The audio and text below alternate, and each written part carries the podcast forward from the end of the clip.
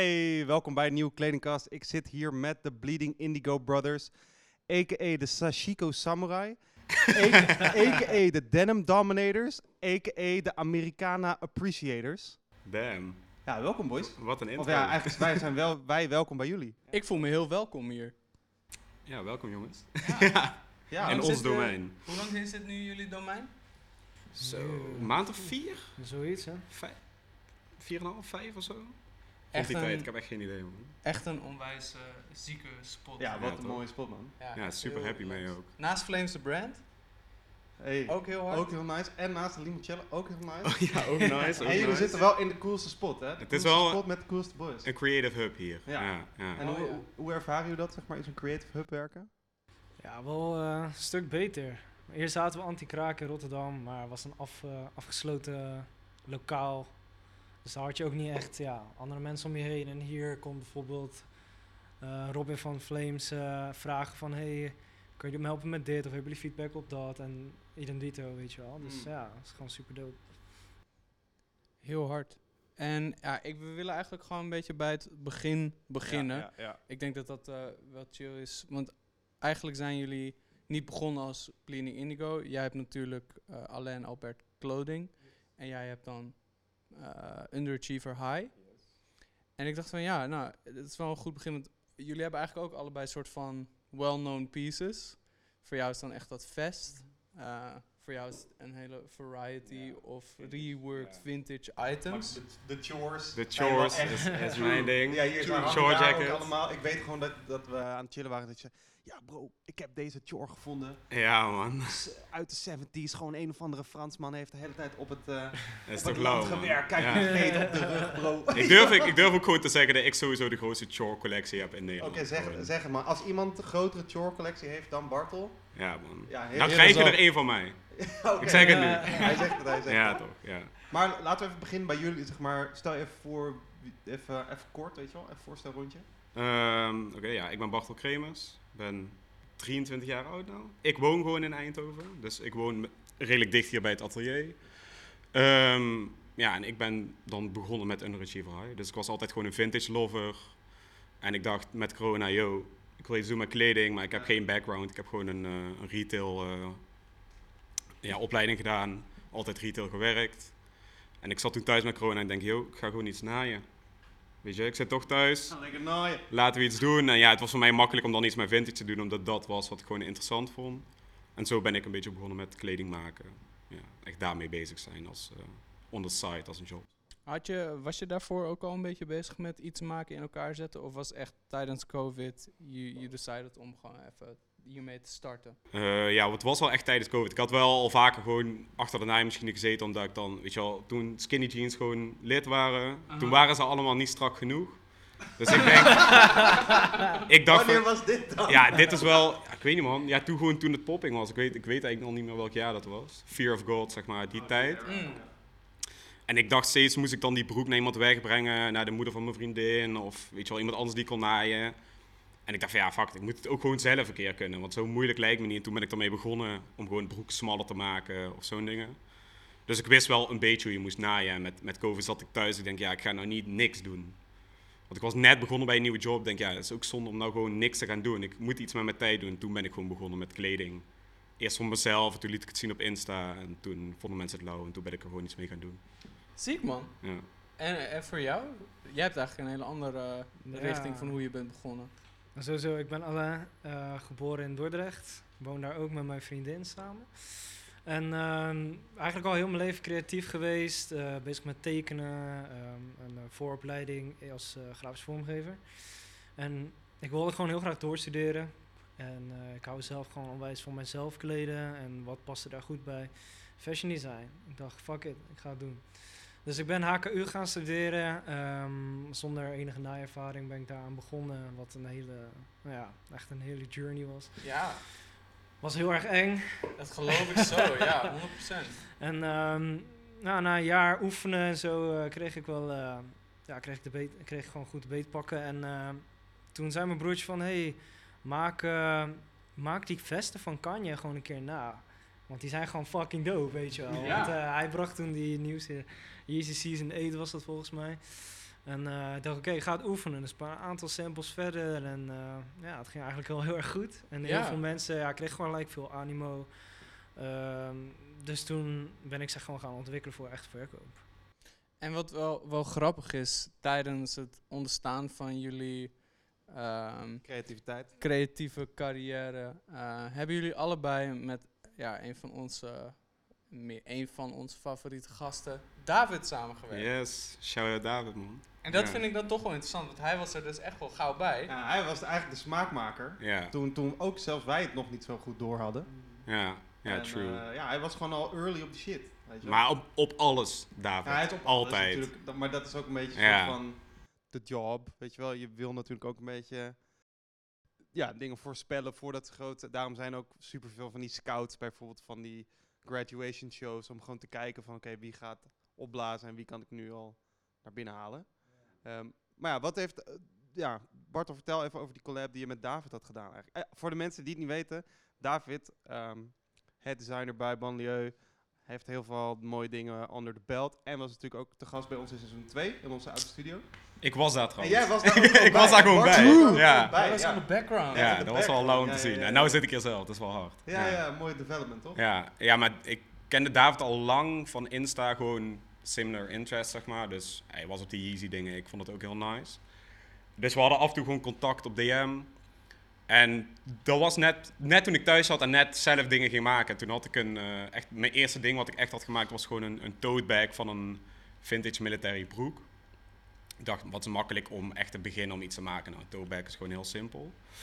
En ik zette die op mijn story en David reageerde echt binnen 10 minuten van, yo, laten we iets doen samen. Dus ik denk, yo, deze guy hij heeft een eigen brand, weet je wel, werkt voor, voor een lauwe ander merk. Ik denk, wat moet hij met mij? Maar ik dacht meteen van, ja, het is wel mijn kans om een, een stapje binnen die, eh, binnen die fashion scene te zetten. Dus ik zei meteen, een beetje een bluff, weet je wel, van ja, oké, let's go. En toen moest ik ook on the spot, zeg maar, een naam verzinnen, al die dingen, want ik had niks.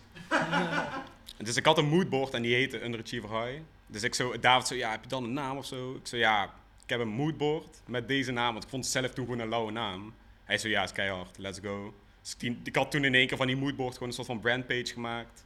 Sick. En toen ja, hebben we samen die tote bags gedropt. Het ging best, ja, het ging best aardig. En het was gewoon een super leuk project ook. Mooi is dat die tote bags zijn nu gewoon archive. Ja, toch? Ja, ja, ja, ja, man. Maar was dit dan ook de eerste keer dat je met iemand anders samenwerkte? Ja, ja, sowieso. Want ik had ook nog nooit iets echt gemaakt. Het was echt het eerste ding wat ik gemaakt had. Dat was die Aha. tote bag voor mezelf.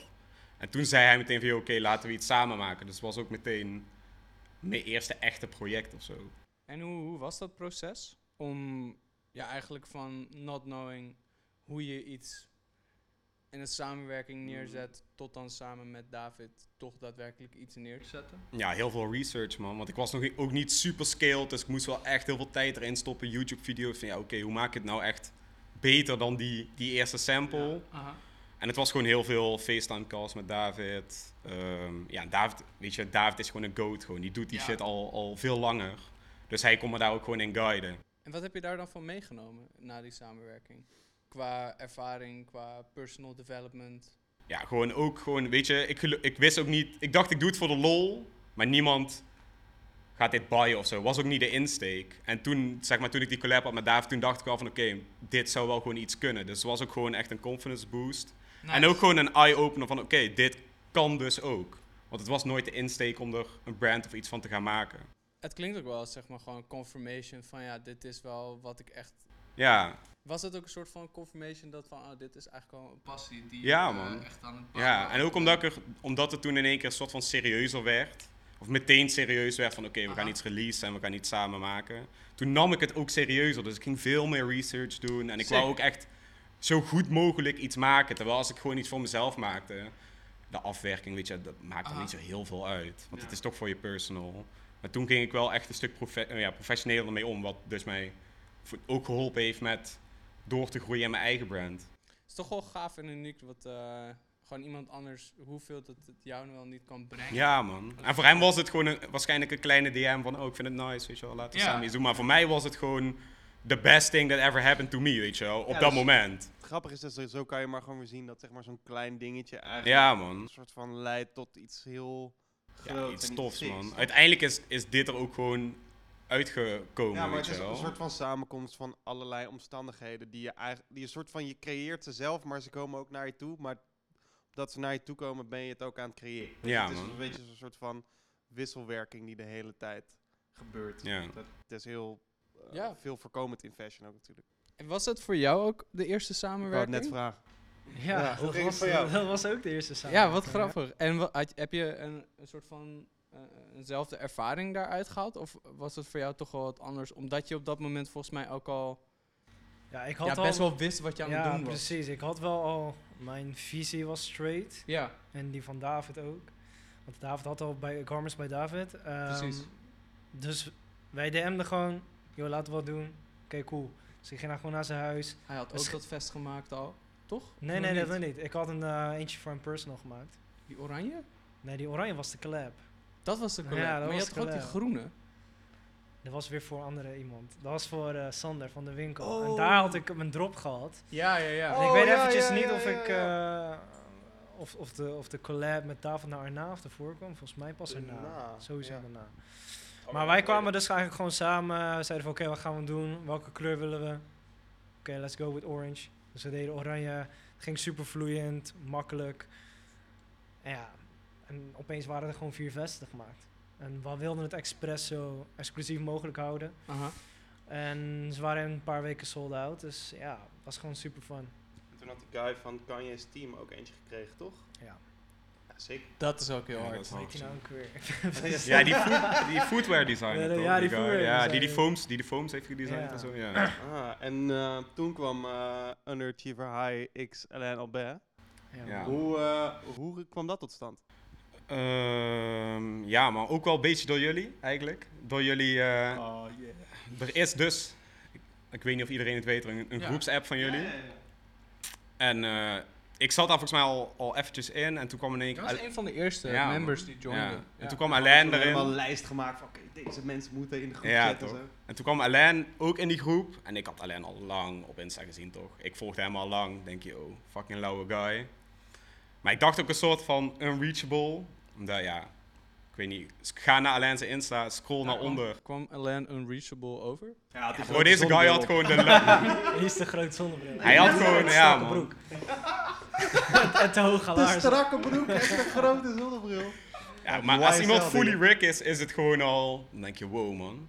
Het is toch een serieuze guy. serieus, full Rick en, en Saint Laurent toen. Met Tom. Shout out Tom, by the way. Big shout-out Tom. Ehm, dus ik ken hem al lang. Denk je, oh, lauwe guy. En toen had hij een foto in die groep gegooid. Ik weet niet man, van een model of zo. Of met een van zijn vesten. En die... eh, en ik had toen net een nieuwe Osso gebouwd. Dus ik was mijn Osso aan het inrichten en zo. En hij had een kleurmuur. Ik liet die aan mijn vriendin zien. Mhm. Zo, dat is wel een mooie kleurmuur toch, weet je wel. En mijn vriendin die zegt, yo, die muur, die kleur, precies die kleur, die wil ik. Denk uit. Gaan we, naar, gaan we naar de bouwmarkt om te kijken welke kleur in de buurt komt. Zij zegt, nee, je moet hem gewoon vragen, toch? Dus denk ik, ja, ga, de- ga ik deze... Jij slijt de DM. Hé, welke kleur is jouw muur? Ja, maar ik dacht echt, ja, ga ik deze fashion guy nou gewoon vragen om de kleur op zijn muur, weet je wel? Maar ja, ik werd helemaal gepusht door mijn vriendin. Dus ik dacht, ja, oké, uit, dan moet ik het maar doen. Dus ik heb hem een eh, DM gestuurd. En toen zei hij van, ja, toen hebben we het gewoon daarover gehad, maar ook echt over superveel andere dingen. En dat hij mijn werk wel had gezien. En het was gewoon meteen een superleuk gesprek. En echt een week daarna hadden we gewoon afgesproken om te chillen. Ja, en eh, dat is En uiteindelijk heb die verf, die kleurmuur gewoon nooit. Nee, nee, nee. Die is nooit gekomen. Nee. Het is gewoon wit. Maar Ben ja, je de kleurverf aan het gatekeepen, Ellen? ja man. ik heb hem ook niet in mijn nieuwe of zo, dus eh, dus het is steeds hit. Het was wel een lauwe kleur, though. Wauw. Ja. Dus gewoon uiteindelijk vanuit een, eh, een muurkleur ja, man. is deze studio tot stand gekomen. Wow. Ja, man. dat is, dat is mooi. En, en shout-out naar mijn vriendin, want zij was me echt aan het pushen van... Yo, je moet hem echt een bericht sturen. En ik was echt zo van... Nee, nee, ik ga echt niet vragen om die kleur muur, weet je wel. Want ik keek een beetje naar hem op. Ik denk, ja, het is echt een lauwe guy. Hoe weird is dat dat iemand jou gewoon vraagt welke kleur muur je hebt. Maar ja, ik ben blij dat ze me gepusht heeft. dan. Super hard. En, maar waren jullie allebei ook al op hetzelfde level van interesses qua denim, Japan en wat daar gaande was? Want ik heb het gevoel dat jij daar een beetje soort van... Ik was, in bent Ja, gegroeid. zeker weten. Want Bartel was voor mij gewoon de goat daarin.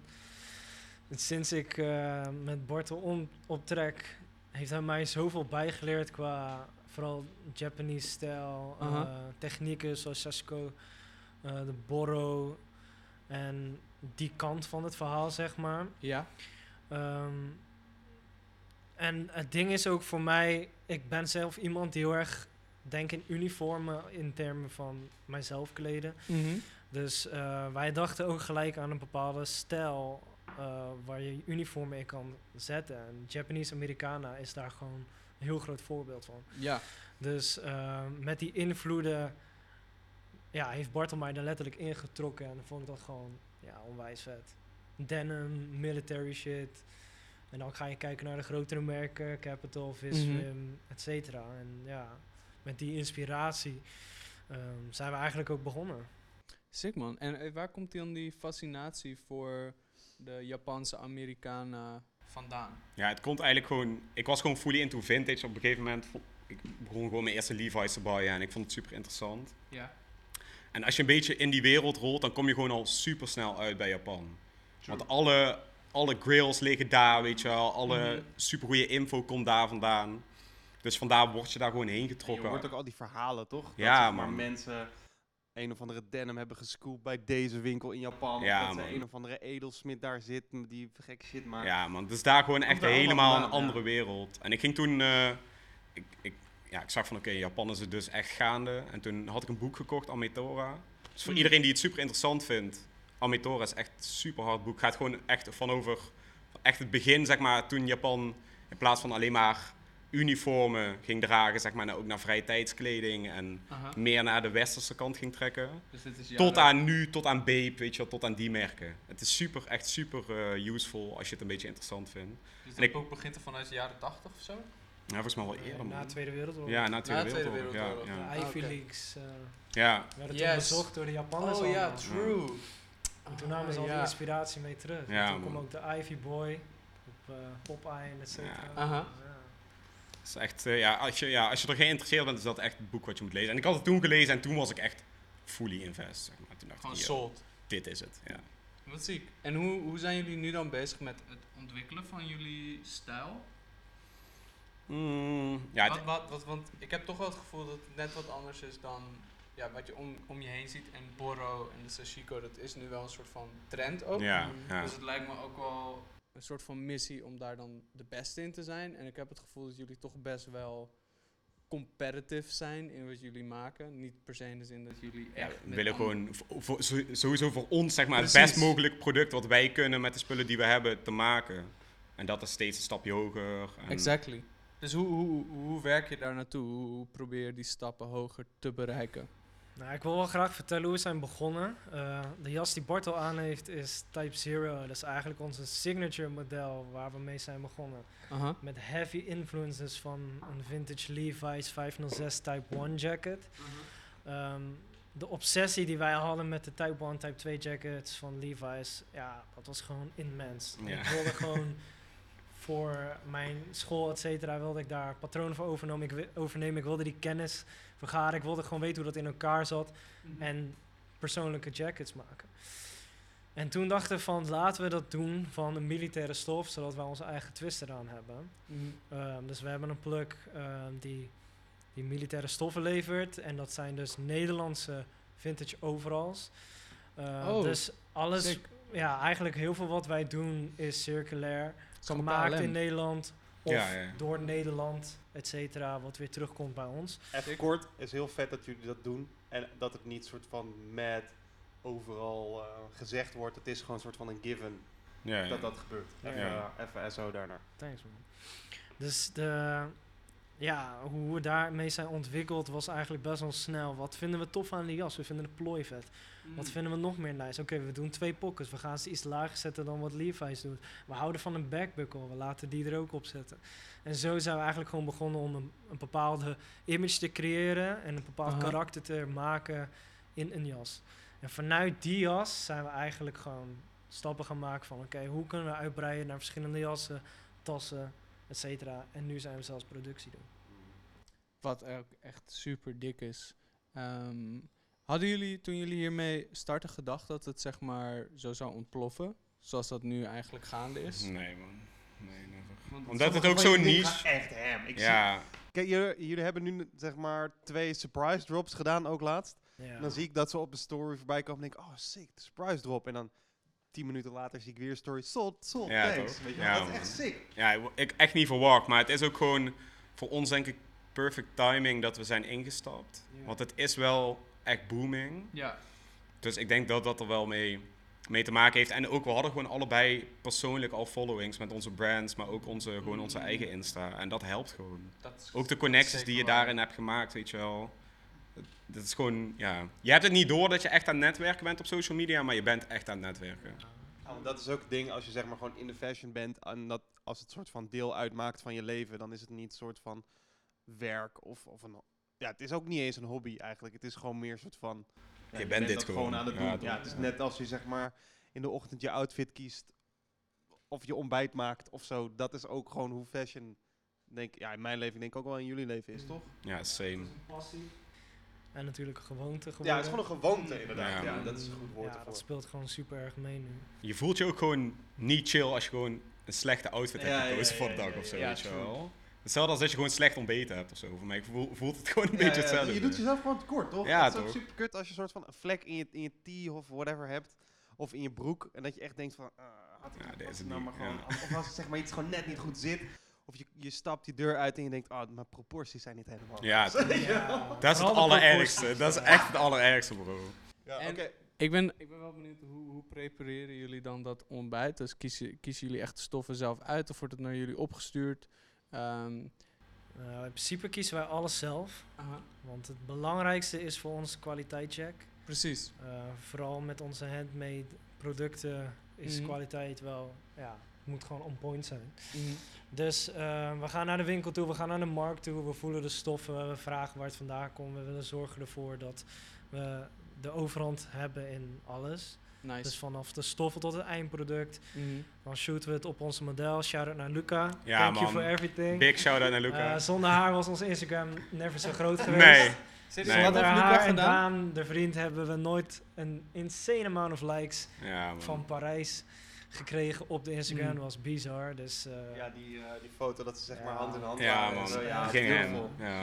Echt beautiful. En gelukkig ook hele fijne mensen om Oh, eh, super. top. pizza mee te eten. Ja, man. Sowieso. Ja, ja, dat was mooi. Zij kwamen gewoon, wij waren in Parijs, we kwamen gewoon met het idee. Oh, zij kwamen met het idee, yo, laten we met z'n allen ergens gaan eten. Ja. Dus wij hadden echt like voor tien personen of zo daar. Ja, dat was hard, man, de bro. tafel gewoon zo midden in zo'n straatje in Parijs. Dat was echt. eh Ja, dat was echt een vibe. Dat was Ja, echt dat is super gezellig. pittoresk as fuck. Ja, man. Ah, shit, maar ehm, als je dan die eh, stoffen uitkiest, ben je dan ook al bezig met de kleurpatroon waar het ge- gezet wordt? Of doe je dat pas echt in de studio zelf? Dat doen we echt hier pas. Ja, want wij hebben een patroon. En wij halen eigenlijk alle overals uit elkaar. Of tassen, wat wij ook gebruiken ervoor. Eh, dus het moet maar net op het patroon passen. En wat wij dus Mm. doen als een oplossing.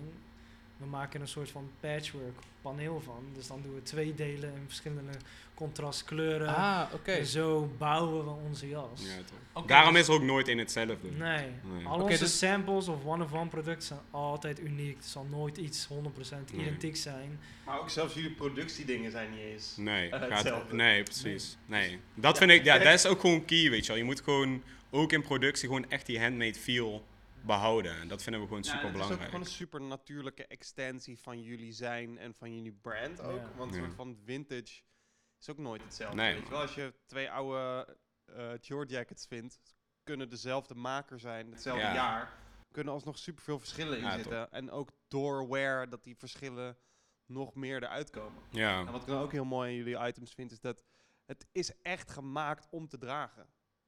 Weet je, het, het, is, 100%. het is niet geen... Ja, kijk, het zijn prachtige showpieces natuurlijk. ja. Maar als je het meer draagt, gaat er alleen maar meer soort van... ja, het wordt gewoon, het wordt sowieso mooier, weet je wel. Ja. Ja.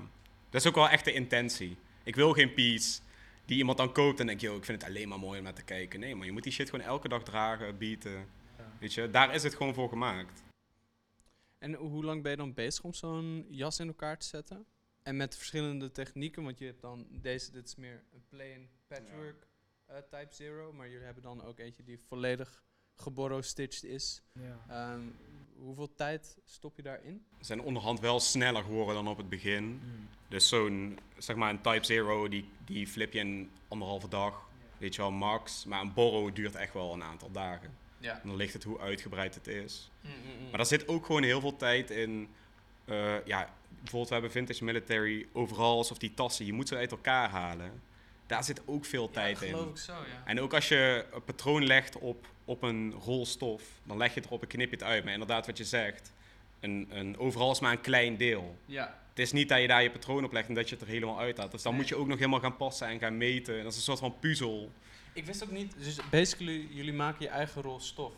Ja, ja daar Dat komt het op neer. Dat, ja. dat wist ik niet. Ik dacht, jullie, ehm, jullie halen hem uit elkaar en dan ga je gewoon kijken, oké, hoe kan ik dit op het patroon neerzetten. Maar jullie maken echt eerst gewoon... Nee, ja, het is in principe wel dat je het op het patroon neerlegt. Maar dan kan je maar de helft van het patroon eruit halen. Knip je dat stuk uit. En dan moet je het andere stuk weer ergens anders uit. En dan oké. naai je hem zo helemaal aan elkaar. Mm, mm, Maar we mm. hebben ook wel eens ooit... Chaka is nooit gereleased, want die is instantly naar iemand gegaan. Wel een soort van rolstof gemaakt vanuit allemaal kleine stukjes. Ja. En daar hebben we dan wel weer een patroon op gelegd. Dus dan, da- ja, dat is hetzelfde als zelf je rolstof maken. Was dat dat kleed wat je toen ooit ook op je... Nee man, dat, is, dat was een borrow, eh, borrowkleed. Ja, we moeten zo even voor een breaking gaan. Dan gaan we daarna weer verder. Ja. Break, even commercial break. Check jullie zo. Hou jij van steels pakken? Dan moet je dit even horen. In februari en maart hosten we vanuit Kledingkast verschillende shows op Vocht. In het kort, we organiseren livestreams met sellers uit onze community, waarbij allerlei pieces geveild worden, van sneakers tot vintage tot archive. En jij kan meebieden. Als je wil komen kijken, de links zijn te vinden op onze Insta, maar ook op de app van Vocht. Dat is V-O-G-G-T. En terug naar de podcast. We hadden het dus net eh, over productie. En eh, wat ik eigenlijk heel grappig vind, is dat de meeste brands die gaan eerst zeg maar op blank sprinten of misschien cut and sew doen en dan een paar eerste pieces uitbrengen en dan zeg maar one-of-ones maken. Maar bij jullie is het precies andersom gegaan. Jullie beginnen met de one-of-ones, beginnen met de zieke pieces en daarna komt pas die productiepieces die zeg maar voor de massa zijn. Ja. Hoe is dat zo gekomen? ja, het is gewoon sowieso, we hadden gewoon een love voor dingen met de hand maken. Dat is ook gewoon waar, waar we allebei al deden. Dus daar wouden we sowieso mee beginnen. Ehm, en het is gewoon lauw om te kunnen laten zien van oké, dit kunnen we, weet je wel. We zijn gewoon bekend geworden om die one-of-one pieces, die handmade pieces. Maar uiteindelijk is alles en een hele kleine oplages. En je ziet gewoon, ja, er is animo voor. En je, ja, hoe tof is het als je een eigen merk hebt, dat je ook meerdere mensen in die kleding kan zien. En het ook gewoon kan aanbieden. Dus toen dachten we van, ja, oké, we moeten gewoon ook iets in productie doen. Gewoon iets in grotere aantallen. En hoe navigeren jullie dan soort van die balans van eh, zieke pieces maken en dingen maken die iedereen wil? Of nou in ieder geval die toegankelijk zijn, zeg maar. Want je wil natuurlijk, met zieke pieces kost gewoon meestal wel wat om te maken. ja, sowieso. En als je een zeg maar, piece maakt die toegankelijk is, is het meestal de prijs ook wat lager en is de piece wat meer basic. Dus hoe gaan jullie, zeg maar, hoe, hoe- ja, hoe balanceren jullie dat? Ehm, wij categoriseren onze brand in twee categorieën. En dat wordt eh, Bleeding Indigo Atelier. En daarin showen we eigenlijk al onze handmade products. En we hebben straks onze ready-to-wear. Hoe wij de, onze productie eigenlijk tot stand hebben gebracht... is te kijken naar wat zijn de items die ons uniek maken. En dat zijn dus de jassen, onze tassen en et cetera. En die kunnen wij dus op een bepaald level hoog houden door daar unieke one-of-one producten van te maken.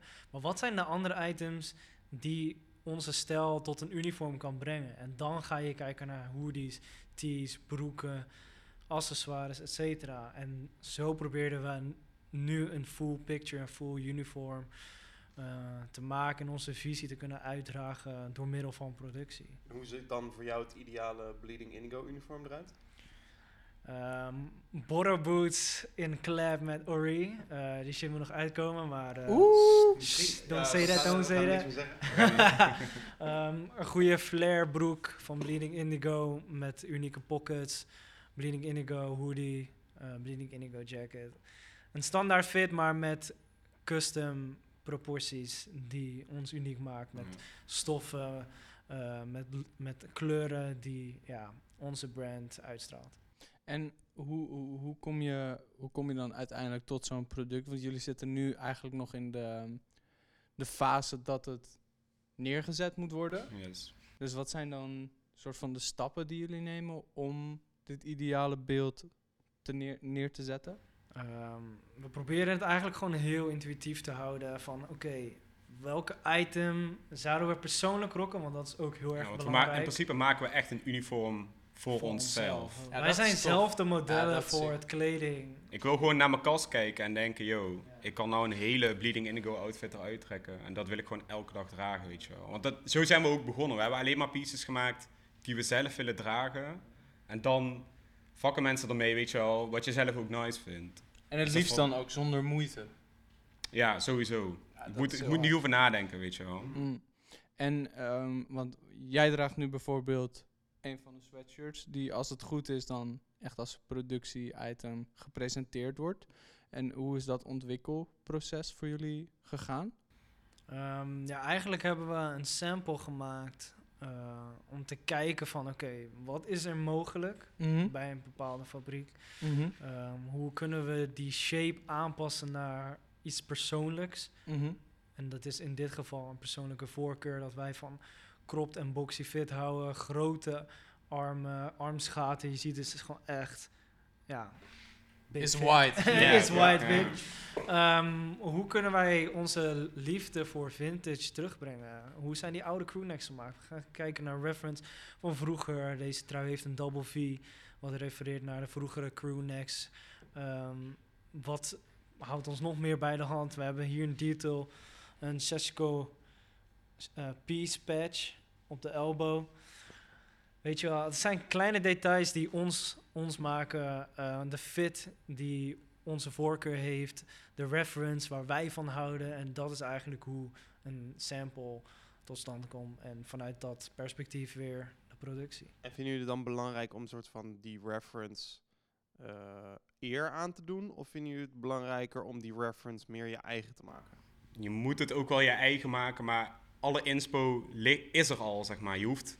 Ik vind heel veel, er zijn heel veel brands die gewoon echt helemaal denken van ik moet iets nieuws verzinnen en daar te veel energie in steken. En uiteindelijk komt er dan een product uit wat je denkt, ja, het is heel nieuw en apart. Maar ja, is het wearable? Niet meer het, het origineel Nee, het is, zo. ja, het- en het is niet per se daardoor wearable. En wij vinden gewoon, we zijn zo into die, die vintage items. En de draagbaarheid. En de daarvan. draagbaarheid. En Ja. eh, je kan zien, het blijft jarenlang goed. Het is, het, het is classic, weet je wel. Het lijkt ons ook gewoon tof dat op een gegeven moment, als iemand onze product draagt, ze zien van hey, dit is een classic fit van Bleeding Indigo. Maar hey, ze hebben Double V. Ze hebben die referenties van vroeger in hun producten gebruikt. Dat is gewoon alleen maar tof als een kenner of een liefhebber die details kan waarderen. En dat is waarom wij die liefde daar ook in willen stoppen. En, en, wat zijn dan voor jullie... eh, kijk, want ik vind het echt heel leuk en voor ons is het ook heel uniek om met mensen zoals jullie te spreken. Zeker als jullie net in die, die productiefase zitten.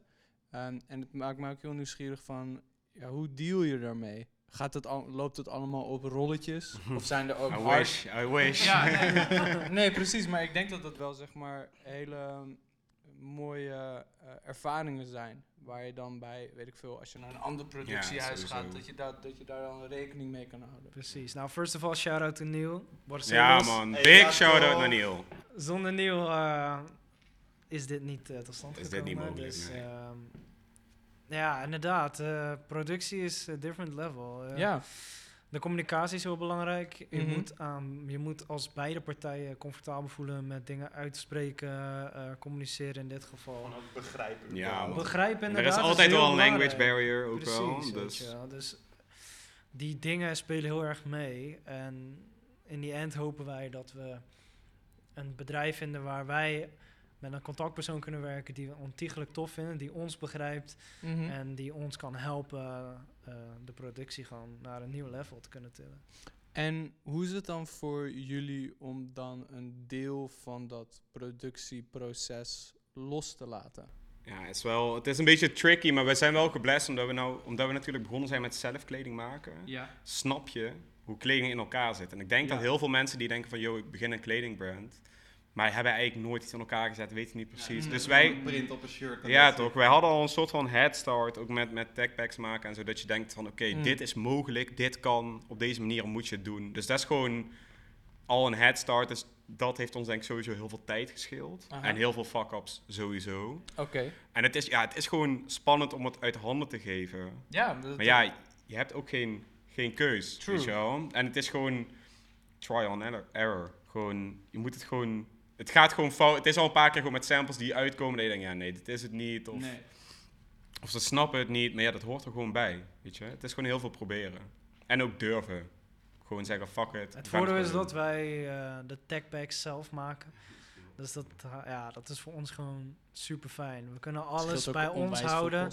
En omdat wij weten hoe wij kleding kunnen maken, kijken we ook patroonwijs. Hoe, ziet dat, hoe kunnen we dat vertalen in een techpack? Hoe kunnen we die details duidelijk neerzetten?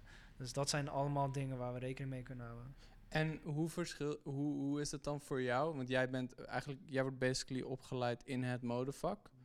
Maar je bent er ook heel erg in praktijken mee bezig. Wat volgens mij ook wel een unieke eh, iets is. Dat doen niet, volgens mij, ik weet niet of jouw medestudenten ook nu al bezig zijn met produceren.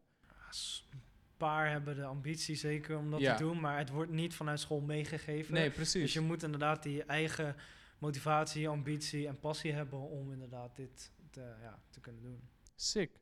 En ik ben dan ook benieuwd, ehm, zeg maar, wat voor persoonlijkheid hebben jullie in de zin van, als voorbeeld, Jonas is super gedetailleerd, ik ben heel tranquilo.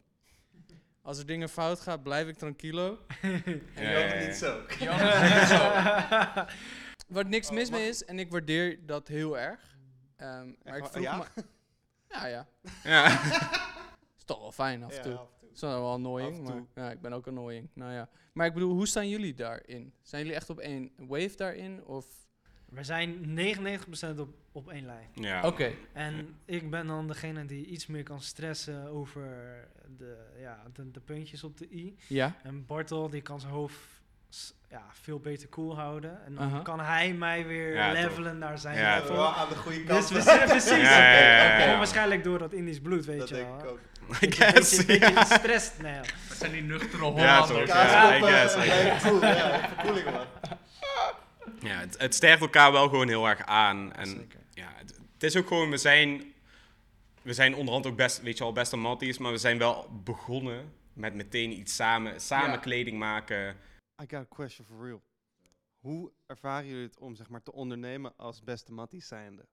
Ja, maar dat is eigenlijk wat ik wou zeggen. We zijn beste matties, maar we zijn beste matties geworden door het werken, weet je wel. Dus we, we kennen elkaar ook bijna niet anders dan dat we met elkaar dingen Mm. maken, Mm. ondernemen. En ik denk dat dat heel veel scheelt. Want het haalt ook het, het risico Ja. Stel je begint een, een, een, een onderneming met je beste mattie. Ja, het is toch... Dat is een risico. Want je bent chill met elkaar, maar je zet ook een vriendschap op het spel. En ja. je vindt het dan misschien moeilijker om dingen tegen elkaar te zeggen. Want ja, hey, we zijn vrienden, het kan moeilijk is. En wij zijn gewoon meteen begonnen met, met het werk samen. Ja. En daar, daaruit is gewoon ook een super mooie vriendschap gegroeid. Ja, maar het belangrijkste is ook gewoon dat je echt mad eerlijk tegen elkaar kan. Maar Sowieso, ook, weet je wel, sowieso. Dan doe je jezelf ook een beetje tekort. Ja, 100%. En dat, ja, dat kunnen we wel gewoon. Nou, het interessante is, Bartel, ik zie jou meer als soort van de, de esthetische kracht en jij een beetje als de technische kracht. Klopt dat? Ja, ik weet niet man, ik vind het ja, Moeilijk. oh, moeilijk, want we zitten zo op één lijn. precies. dat, Ja, het is eigenlijk alle. Kijk, Alain. Alain is vanaf het begin af aan gewoon sowieso technisch. Want hij heeft een opleiding gedaan. Ik ben maar gewoon gaan naaien in mijn kamer thuis, weet je wel. Hey, ik heb het ook zelf geleerd. Ja, true, true, true, true. Nee, rustig aan. Hè? True. Maar je hebt wel een op- opleiding True. waar je het ook Ik vaker kan uitproberen. en ja. ook experimentele misschien. Dus, maar we zitten zo op één lijn. Het sterkt elkaar van alle kanten altijd aan. Dus ik durf niet te zeggen hij is meer technisch of esthetisch. En we doen alles uit wij, uit ons. Ja, Dus het is geen individu. Twee, twee handen op één bieden. ja toch. En Dit het is ook gewoon, hoe we werken is ook gewoon relaxed. Ja. kind, hè? Hoe we werken is ook, hoe komen we hier 's ochtends en we denken, joh, gaan we maken. En dan gaan we gewoon iets maken en als het is, iets is van dat we denken, ja oké, dat was een one-time ding, want dit en dit klopt er niet aan, of ik zou het gewoon niet nog een keer willen maken, is dat oké? En als we een hit hebben, dan maken we het vaak, weet je. Het is ook Ja, gewoon altijd tuurlijk. een sample en een eindproduct in één. Je zijn Mm. gewoon een beetje constant aan het ontdekken. Ja, ja. het- Dus dat haalt ook heel veel stress, denk ik, weg. Ja, En- omdat je het nog steeds soort van ah, vanuit jezelf Ja, doet in plaats van voor een... En je hebt de kans om, om iets uit te proberen. En het hoeft niet meteen precies te zijn wat je voor ogen had. Want er komen ook mooie dingen uit gewoon uitproberen. Dus er zit veel minder druk op dan dat je een brand misschien begint met alleen maar productie. En dan, ja, die sample moet goed zijn. En het moet meteen goed zijn, want anders kost het heel veel geld. Weet je, dat, dat is er bij ons gewoon niet. En ik denk ook dat mensen vergeten dat die experimentaties zo waardevol zijn. Ja, 100%. En En dat- je 100%. samen op een plek bent waar je gewoon je mooi werk Ja. hangt, waar je gewoon een beetje kan chillen, dat je gewoon zo'n creative safe space hebt. Ja, Dat is fucking sick. Want, Ja. ja, want stel je voor, we hadden een keer een product gemaakt, een jacket, wat nog niet het uiteindelijke jacket eh, was geworden. En, maar toch is het verkocht, omdat wij natuurlijk een one-of-one eh, ja, kind of beat hebben. Mhm. Ehm, maar diegene heeft letterlijk een vast iets, een fysiek iets van onze progressie. ja. En dat is ook gewoon wat wij ontiegelijk tof vinden. Want onze borrow jackets waren nog niet de border jackets zoals ze zijn. Nee, daar hebben we wel een aantal jassen ervoor gemaakt. Dus iemand heeft wel een progressiestuk in huis van ons. Ja. Dus ja, Ja, dat is beautiful. Dat is ook een hele mooie mentaliteit om dat eh, zo te zien. Dit is een soort van fysieke manifestatie van trust the process. ja. Ja, I guess, toch? ja. En het, ja, het is gewoon, alles is gewoon, alles wat je van ons komt, koopt, is gewoon een sample en een, en een eindproduct. Het is Ja, gewoon, gaaf. niks, is- ja. We gaan nooit meer iets zo precies hetzelfde maken ook. Dus als You heard it. Ja, You heard it here. Heel Alles sick. one of one. Ja toch? Had, ja. ik nog, had ik nog één vraag. En dat is, ja, jullie zijn co-partners. Maar eigenlijk, alleen was je ook de stagiair.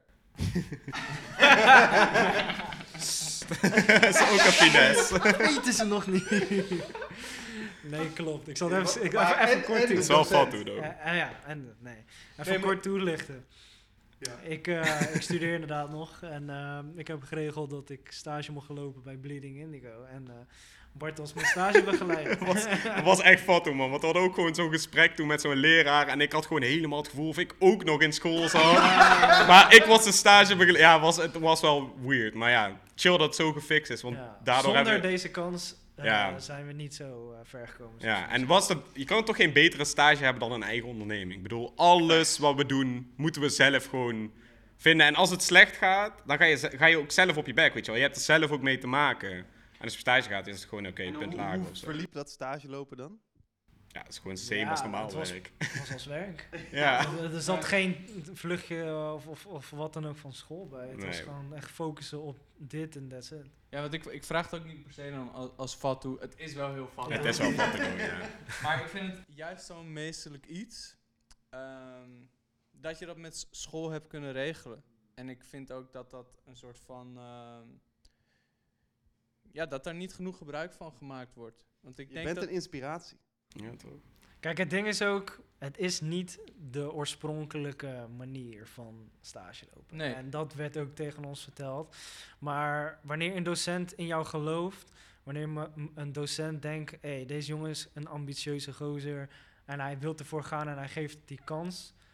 En ja, dan moet je hem ook gewoon aannemen. Hoe Ja. kan je dan nee zeggen? ook? Precies. weet Dus je. vanuit school weten ze wel gewoon dat je goede shit aan het doen bent. Ja, ik bedoel, eh, mijn ontwerpdocent die is hartstikke trots op wat ik doe. Dat zie ik aan hem, hoe die vertelt over hoe ik eerst was en nu Ja. gevorderd ben. Dus dat is gewoon alleen maar tof om te horen. En hoe Ja, ervaren 100%. jullie dat dan om een soort van vanuit Nederland te werken?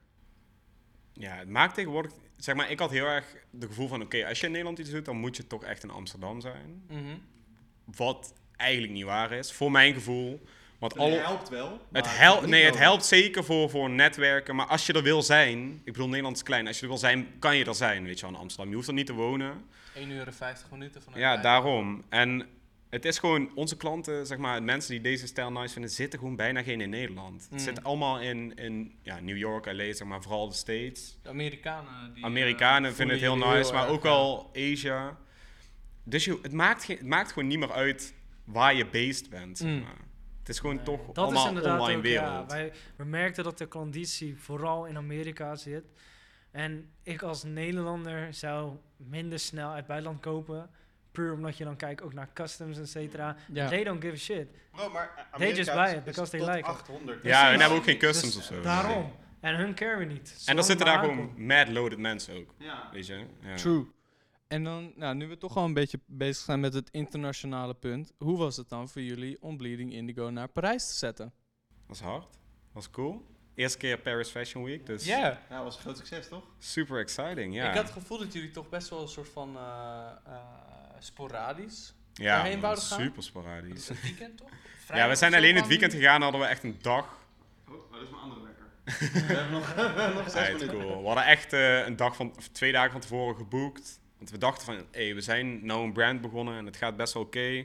We moeten, volgens mij moet je daar gewoon Ja, toch dan zijn of naar zo. Parijs, ja. en Ja. ja. zowat heel Nederland was daar. Heel Nederland. we hebben, Amsterdam was Ja. daar. wow. Het was echt of was je gewoon in Parijs Am- meer. Nee, man. Het was Nee. of je in Amsterdam liep. Het was zo raar.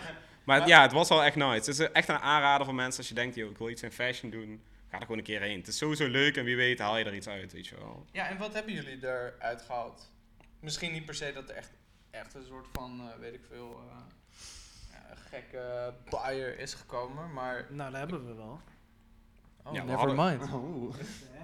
Mr. Andrew. Oh, ja, true, true. Ja. Daar Sick. hangt hij. Ja, Ja, dat ziet men, mensen horen het niet. Of Nee, weet je, Het is een podcast, daar hangt hij dan.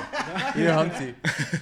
Nee, ja, het was gewoon een vet, het was gewoon een super vette ervaring. En je meet er wel zoveel interessante mensen op Ja. straat. Het is wel echt. En, de, shoots? de, de playfield is ook gewoon een soort van level. Ja, man. Terwijl Iedereen zit een beetje op hetzelfde niveau. Je Ik kan- had, maar ik had heel erg het gevoel, van, oké, je gaat naar Parijs en iedereen is heel uit de hoogte en niemand wil echt met je praten. Zo. Maar iedereen was super down om Ja. gewoon een gesprek komt te ook voeren. juist omdat zoveel mensen van, an- van een andere plek daar naartoe komen Ja, om toch? alles te ontdekken. En dan stel je jezelf ook gewoon heel erg open. Ja, was wel, het was echt een super chille vibe daar.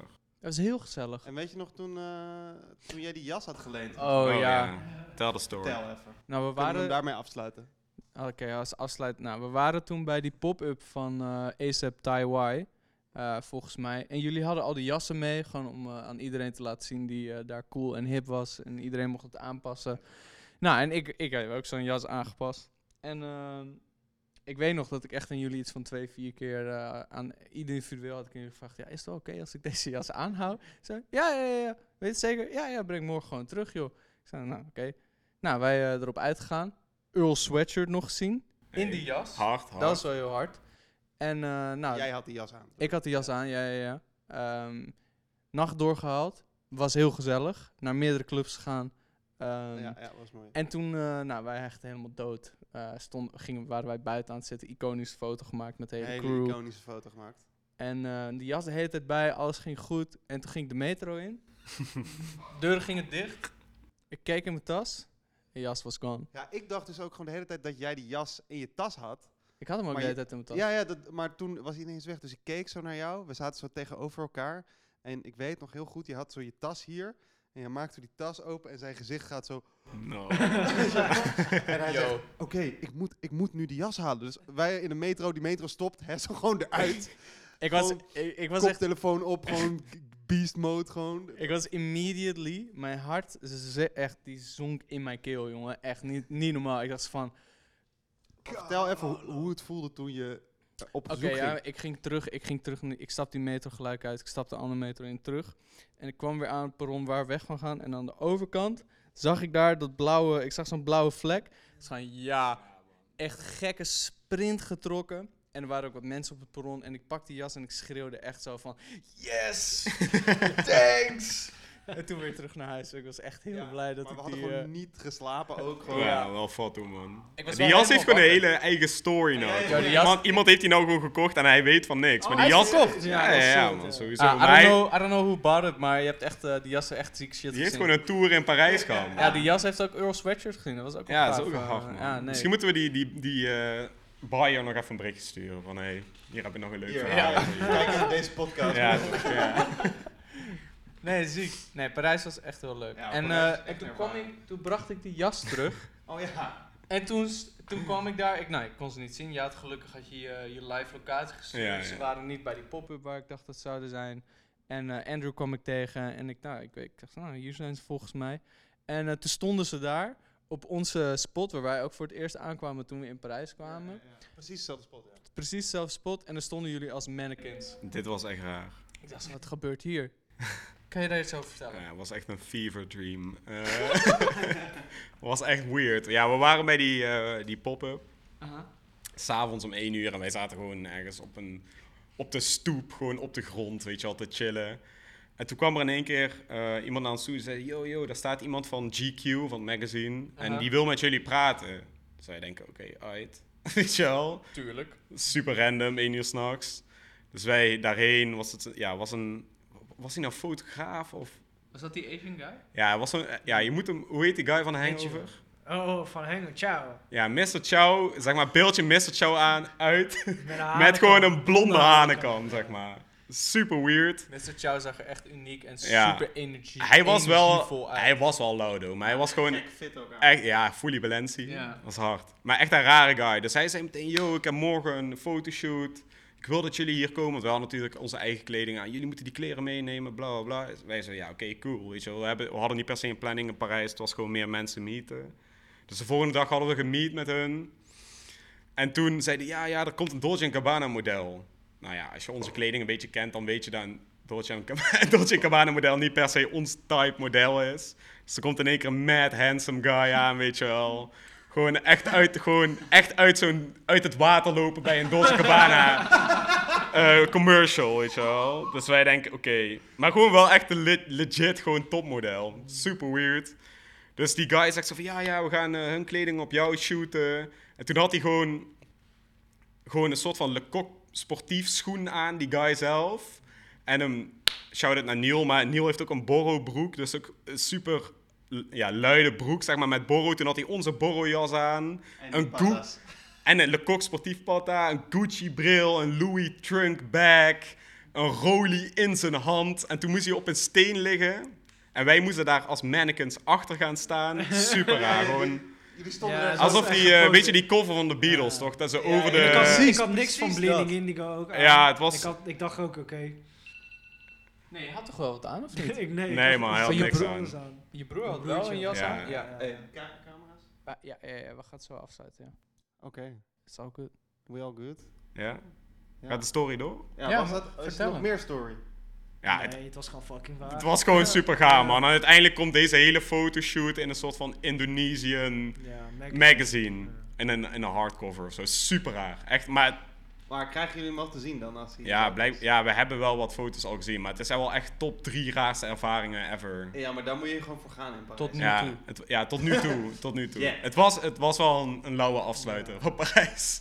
Ziek. Ja, was ook die laatste, laatste dag. toch? Ja, het was echt, een la- we- Wow, echt drie de uur daarna gingen naar was huis. Ja. echt- Wat een waas was dat. Ja. Maar ja, hey, Nou, dat was, echt, eh, dat was echt een heel mooi afsluitend verhaal. Ja, twee mooie verhalen ook, hè? Ja. Niet vergeten. ja toch. Hey, eh, Bleeding, Bleeding Indigo Brothers, ik wil je heel erg bedanken voor deze mooie ervaring. Jullie bedankt bedankt. dat we hier Ja, langs konden komen. jullie. Bedankt voor die mooie verhalen. En ja, we checken jullie in de toekomst, want er komt sowieso vette shit aan. Ja man. En eh, ja, thanks. Ja, jullie bedankt. Rustig aan. Yo, ciao. Yo. Peace. Nou,